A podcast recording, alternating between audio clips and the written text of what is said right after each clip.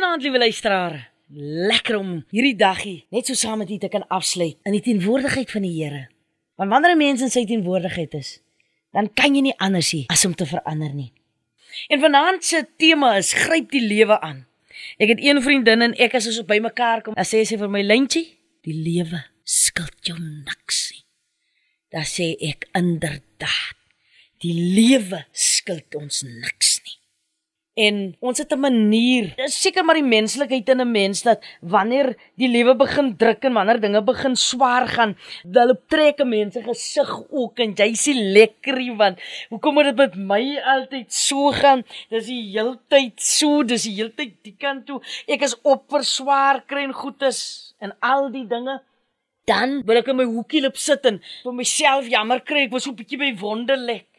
Maar as 'n mens kyk toe Paulus kom aan die einde van sy lewe, toe sê hy in Filippense 4:13 ek is tot alles in staat deur Jesus Christus wat my die krag gee. Wat beteken Paulus het nie net daai woorde gesê omdat hy net goed in die lewe ervaar het nie, maar hy man het swaar tye in sy lewe geervaar. As ons kyk in die Nuwe Testament, die woord is deurtrek van hoe dat Paulus eintlik gelei het omdat hy 'n volgeling van die Here was.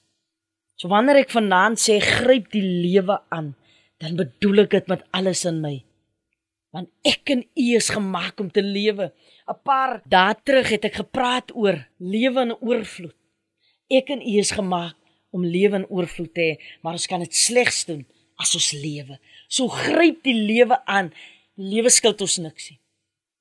Die lewe skuld ons niks nie. Kom ons lewe hierdie lewe en ons wees dankbaar aan die God wat lewe gee.